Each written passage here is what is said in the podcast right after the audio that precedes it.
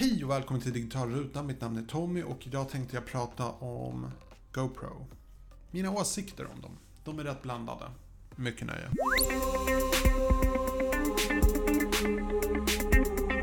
Så jag har varit ett stort fan av GoPro actionkameror sedan den här modellen. Det här är en GoPro Hero 3 Black Edition. Um, den kunde filma i 4K i 15 FPS och den kunde filma i slow motion. Men den hade i princip ingenting jämfört med dagens uh, GoPros. GoPros idag är helt klart mycket bättre och då syftar jag på GoPro Hero 6.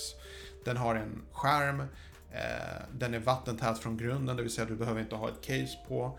Den här modellen hade ingen eh, skärm på baksidan, du var tvungen att köpa till det för att ha en skärm på baksidan, men de blir lite större också. Eh, den nya GoPro Hero 6 har ju i princip, det är ju den ultimata actionkameran. Skulle jag säga så här då, ska du ha den absolut bästa actionkameran, GoPro Hero 6. Sen har vi det här med priset och den lite vilseledande eh, reklamen. Ehm, jag tror att det har hänt ett par saker på actionkameramarknaden. Det första är att det finns bra mycket fler actionkameror idag. Många väldigt bra alternativ. Sony har många bra alternativ. Men det finns även billigare varianter som Eken och väldigt lågprismärkta, men jag har sett eh, actionkameror som filmar i 4K som kostar 600 kronor. Tittar du på det och sen på en GoPro som ligger runt 4000, då börjar man fundera, vad har egentligen GoPro att erbjuda som inte de här billigare actionkamerorna har?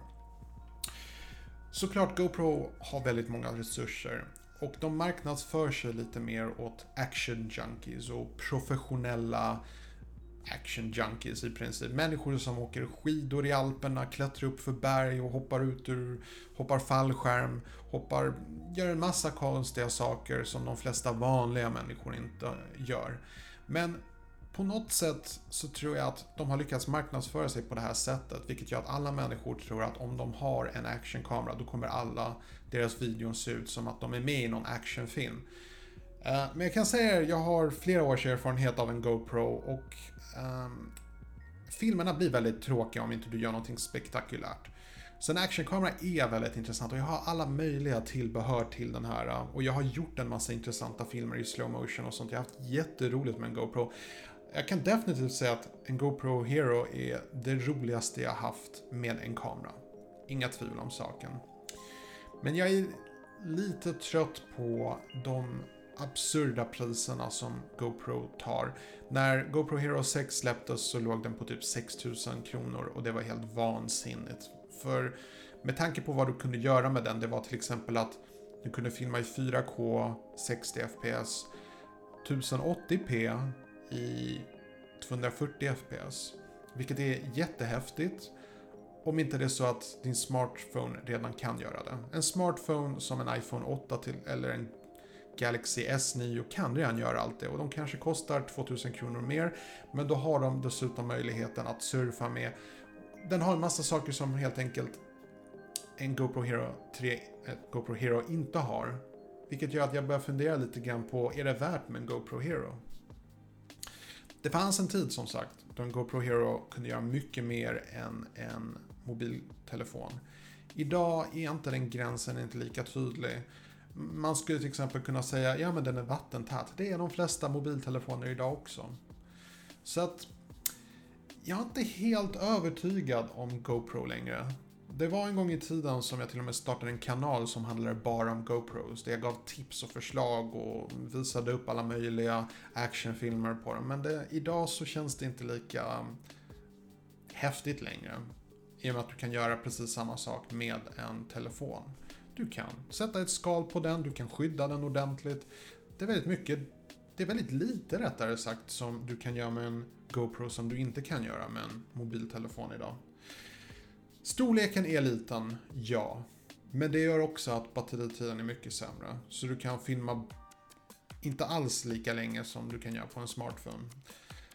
Så det finns en massa goda skäl till att använda en smartphone istället. Um, jag säger så här, om en GoPro Hero 6 hade kostat 3000 kronor då hade jag tyckt att det hade varit någonting. För då har du ändå den där lilla actionkameran för en massa olika actionklipp och sånt. Och du kan liksom skydda din telefon, lägga den åt sidan medan du kanske åker skidor eller någonting.